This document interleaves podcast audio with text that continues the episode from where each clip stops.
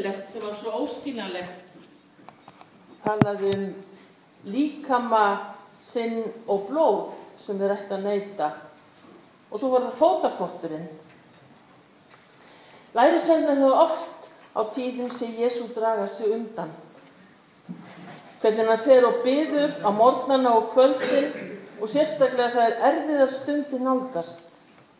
Hann fer á afvikinn stað þar sem hann getur verið einn í kyrð fram með fyrir guði sínum upp á fjall eða inn í eigðimörkina. Hann sækir í bænina þeir hafa séð það svo oft. Að byðja til Guðs fyrir daglegum, fyrir daglegu lífi og það er auðsíð að hann sækir styrk og andlega fæðu í bænina.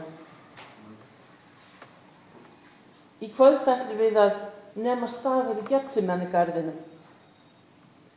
Og Getsemannigarðinu var einmitt einn af slíkum stöðum þar sem Jésús var kær.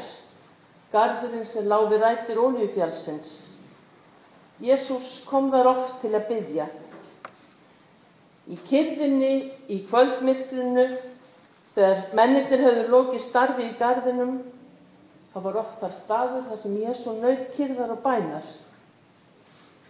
Lærisveinarnir höfðu oft verið með um þar á bæn og eins og við heyrðum áðan lestu úr Jóhannes Guðspjalli að þá segir frá því að Jésús hann fer með lærisveinarnir þangað fyrir yfir lækin Kétrón í grasagarðin og hann gengur inn og Jútas þekkti einnig þennan stað. En þetta kvöld var ólíkt öllum öðrum kvöldum. Það voru þung spór Jésu yfir ána Kétrón og inn í garðin. Hann stansaði oft á leiðinni og undirbjóð lærisveinana fyrir það sem myndi gerast. Að brátt kæmu erfiðir tímar þar sem við sæja hann ekki lengur með jarnæskum augum sínum. Hann undirbjóða fyrir dauða sinn og það líf sem byði þeirra. Það var alvöru þrungi stemning í hóknum. En, en Jésu eins og alltaf mætti lærisveinum sínum enga síður með umhyggju og uppörfun og sagði verið hughröstir. Og á leiðsinni tekur Jésu að byggja og segir, Fadir, stundin er komin. Erfiða stundin er að nálgast. Jésús ætlar að fara byggjandi inn í hana eins og alltaf. Byggjandi inn í það sem er framöndan er, því að án bænar var ekki hægt að mæta því sem, sem beigð. Hann getur það ekki hans að fá styrk frá Guði. Köllunin hans er að gera Guð dýrlegan og það getur enginn gert án Guðs. Jésús segir þetta hefur talað til eða svo ég frið í heiminum, í, heim, frið í mér, í heiminum hafið þrenging, en verðið hughöstir því ég hefur sigrað heiminn. Á þessari nóttu, segir Jésús við lærisveina sína á leiðinni inn, inn í Getsemanni, á þessari nóttu munum við allir hafna mér. Því eins og ritaði ég með slá hyrðin og sögði hjarðarina munu tvistrast. Og við Símón Pétur segir hann, Satan hefur, hefur, hefur, hefur krafist þess að fá að salda þig eins og kveiti, svo hismið kemur ljós. Ég hef beðið fyrir þér að trúðina þrótt ekki. Þið munu hafna missaði Jésús. Nei, aldrei, aldrei, sögur læri sveina til ellefu. Sérstaklega Pétur. Alvara einkenni Jésu. Hann byður átta að lærisveinum sínum að sittast fremst í gardin og tegur með sig þá Pétur, Jakob og Jóhannes innar. Og nú sest af Jésu hrigð og ángist og hann segir Sál mín er hrigg allt til dauða. Vakið hér og býðið með mér. Þetta var upphafið að sásöka fyrir pístaköngu Jésu Krist. Hann sem var særður vegna voru að synda, kramin vegna voru að miskjörða. Hún var refsa svo við fengjum frið og fyrir hans benjar urðu heilbreyðir. Við fórum allir villi vega sem sögðir, heldum hver sína leið. En drottin létt synd voru allra koma niður á honum. Hann var hart leikinn og hann var þjáður. Jésús víkur frá lærisveinum sínum og byður um stuðning þeirra í bæninu því hann þarfist þess svo. Guðspjöldin lýsa á mismöndi hátti sem verður. Hann vek frá þeim svo sem steinsnar, fjell á knje og baðast fyrir. Hann fjell fram ásjónu sín og baðast fyrir sig í Matteus, fjell til jarðar og bað. Þrísvarsinnum kemur Jésu tilbaka til lærisveina sinna og alltaf kemur hann að þeim sofandi.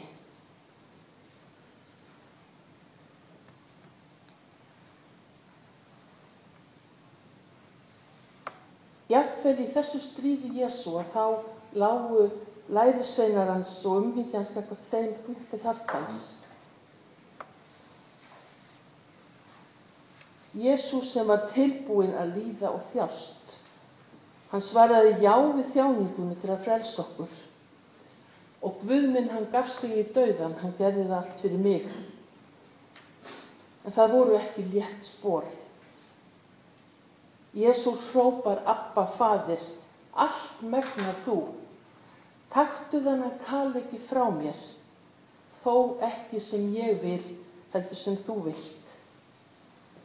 Og aftur gengur hann til lærisveina sinna og finnur það sofandi og snýr sér að Pétri sérstaklega. Og enn heldur Jésús áfram að hrópa, nú er sál mín skeld og hvað á ég að gera?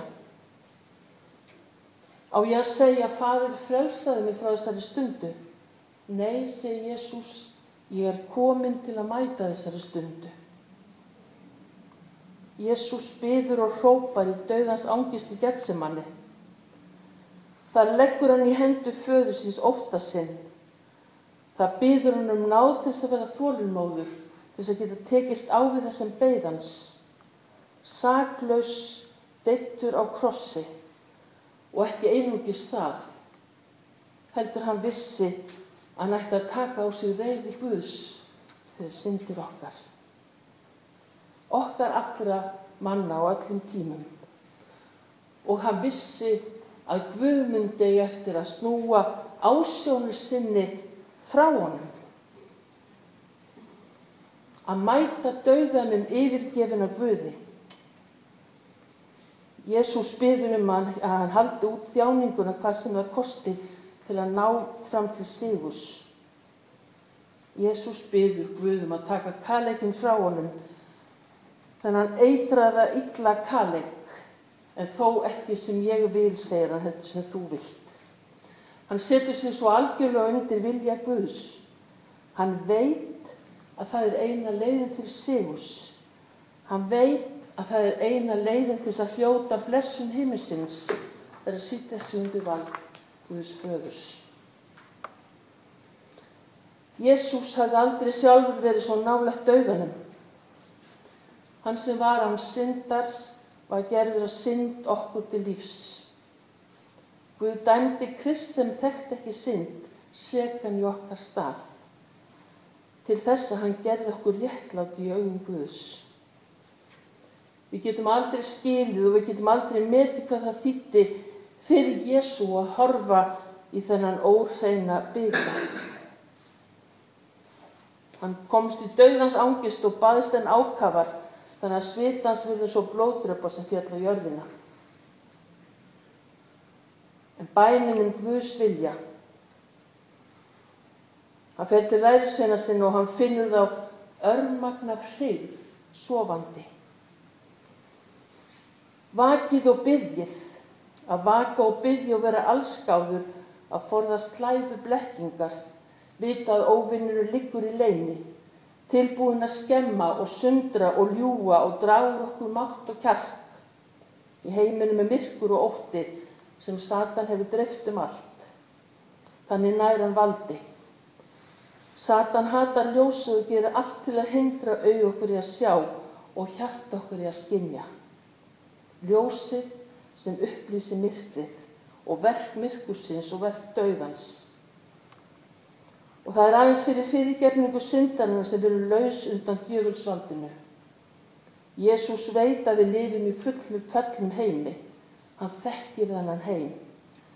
Hann veit hvað er margt sem getur glapið okkur sín, þakka niður bænagjörðina, margt sem er slít okkur frá frelsar okkar. Þess vegna er gott að minna sig á að þessu erfiða kvöld í óttanum og ángistinni byður Jésús ekki einungis fyrir okkur, fyrir, fyrir, fyrir lærisveinu sínum og fyrir sér. Hann byður fyrir okkur að Satan ná ekki að merja okkur, hann ná ekki að brjóta niður trú okkar.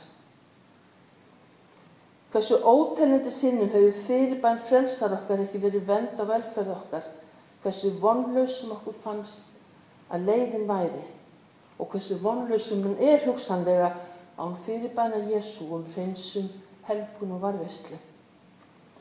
Hallgrímur orða svo vel þegar hann segir vaktu minn Jésu, vaktu í mér, vaka lagtu mig eins í þér. Sálinn vaki þá sofi líf sé hún ætið þinni hlýf. Já, sæll er sá maður sem situr í skjóliðins hesta. Sá er gistir í skugga hins almakka, þar sem segir við drottin hæli mitt og háborg, Guðminn er ég trú á. Egi þetta óttast óknin næturinnar, ekkert illt nær til þín. Lítum á hann Símón Pétur í Getsemanni. Símón Pétur brást og hann átti aftur eftir að bregðast sama, sama kvöld þegar hann var handekinn í garðinu við hús aðstapressins. Hann átti eftir að afneita frelsaranum sínum. Nei, aldrei, aldrei mun ég afneita þér, hrópaði Símón Pétur. Ég er tilbúin að fylgja þér. En hann gleymir sér. Hann heldur að hann geti eigin mætti. Hann fer að trúa á sig. Hann vannmetur óvinnin sem er slingur sem þekkir hugsanir og tilfinningar okkar á leikusi með þær. Allt í þeim tilgangi að leið okkur frá Kristi. Hann var svo vissum að ekkert yrði til að hindra. Hann skildi ekki þá að þetta var ekki spurning um vald manna, við, manna eða baráttu við hold og blóð, heldur við myrkraöfli, við andaveri vonskunar í hímingemnum, við höfðingja myrkusins. Þessi nótt hefði áhrif á Símón Pétur allt hans líf. Í brefin sínum segja hann aftur og aftur vakið verið allskáðir. Verið allskáðir til bæna vakið. Hann hvetur okkur til þess að vera allskáð því óvinnurinn djöfullin gangi um sem öskandi ljón. Símón Pétur veit það síðar sjálfur mjög vel að gegn líjans og, og, og aðferðum hans getur við aldrei mætti honum í eigin mætti. Eftir upprisuna þá mætir Jésu Símónu Pétur með spurningun elskar mig þrísvar sinnum því þrísvar hafa hann afneitað honum. Kanski er þetta svo spurning sem Jésu spyr okkur á hverjum einasta degi við sem við fylgja honum. Á hverjum einasta degi þurfum við að svara kallinu þannig að þess að náðin hún er ferskvara.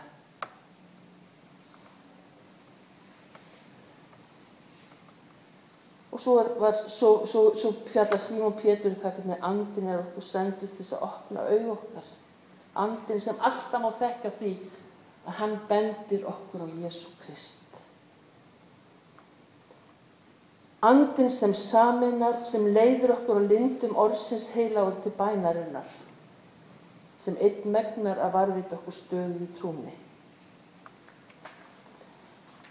Reynsla er mismunandar heilu og manda. Reynsla Pétus er einu reynsla Páls postur er önnur. Guð starfar á ólíkan hátt eftir sínu vilja. En alltaf beinir hann okkur til hans. Jésu Krist sem einn fyrirgefur syndir, sem einn getur gefið okkur eilift líf.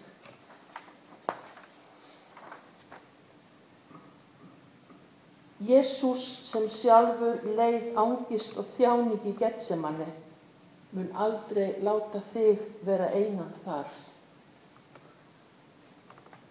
Líklega þekkjum við öll að við erum átt stundir þar sem við erum stödd í getsemanni okkar einin lífs. Það getur verið nýstandi sársöki, það getur verið sorg, það getur verið synd, það getur verið ángist. Þá er hann þar. Eins og fyrrum spyr hann, barni mitt, af hverju græturu? Hann er frelsan sem heyri bændina, sem sér tárðín, sem sapnar henni sjóðsinn og reytar þið bók sína. Hann sem alltaf mun vaka yfir þér og byggja með þér og fyrir þér, í myrkri og end, jaft og gleði. Hann sem hefur þegar borið syndina, sorg þín og sásökan, hann sem elskar alltaf. Verð mér náðugur, Guð, verð mér náðugur, því hjá þér leita ég hælis. Í skugga vangja þinn að leita ég hælis. Það til voðinni liðin hjá ég hrópa til Guðsins hestar, til Guðs sem reynist mér vel. Mættu við læra að kvíla í orðinu um Jésu í, í, í Getsemanni. Frá Getsemanni fer hann til að bera krossin og deyja á honum. Það sem var björgun okkar. Sjálfur hefur hann þjáðst og hans verið frestað. Þess vegna er hann færum að hjálpa þeim sem verður fyrir frestingunni. Hversu oft hef ég sjálf ekki brugðist frelsara mínu og minni, minni lífsleið og hversu vel finn ég ég er ekki verð. Ég finn það svo vel því íhu orðinu þjáningans og heyri ángista hrópinans frá gets, í getsemanni. Og það er gott að vita að það er ekki spurning um verleika minn, heldur um náðina, óendanlega djúpa og óskiljanlega náð Guðs. Eina sem ég kann og get er að koma aftur og aftur og aftur og aftur eins og ég er með sveikminn og synd og vita ekkert annað mér til hjálparinn en fyrirgefningu fyrir dauða Jésu Krist og upprissu.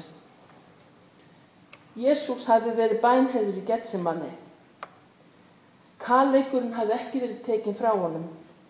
Hann þurfti að gangi í gegnum því illa, hann, hann hafi beðið um Guðsvilin ekki sinn og Guð bænheð hann með því að gefa honum þann styrk sem hann þurfti. Þegar stundin kom þegar Júdas spyrtist þess að svíkjan, mætir hann honum, mætir hann honum á ótrúlegan hátt. Vegna hlýðni Jésu að þá getur hann mætt þessari stundu að með styrk og yfirvegun sem Guð eitt getur gefið. Hann hafði beðið og barist. Hann hafði verið heyrður, lærisveinur hans höfðu sofið. Þeir höfðu ekki beðið og barist. Þeir fengu ekki þann styrk sem við þurftu til þess að mæta þessari stund. Og við erum svo lánsum að geta séð atbyrðinni í getsimanni í ljósi upprisunar. Það gáttu lærisveinar hans ekki. Vegna kærleika Guðs og vegna hlýðni Jésu sem var tilbúin að drekka byggarinn í botn reyðir byggar Guðs eigum við eilifa lífið. Bænin má aldrei bresta þig, búin með fristing ímislið, þá líf og sál er lúð og þjáð, líkill er hún að drottins náð. Já, lofaður sé Guð og Fadur, drottins og Jésu Krist, sem eftir mikilli miskun sinni hefur endur fætt ást til lifandi vonar fyrir dauða og upprissu Jésu Krist. Guð vonarinnar fylliður öllum fögnuð og friði í trúni, svo, svo að þessi auðugir í voninni í krafti heilags anda í Kristi Jésu. Amen. Skulum byrja.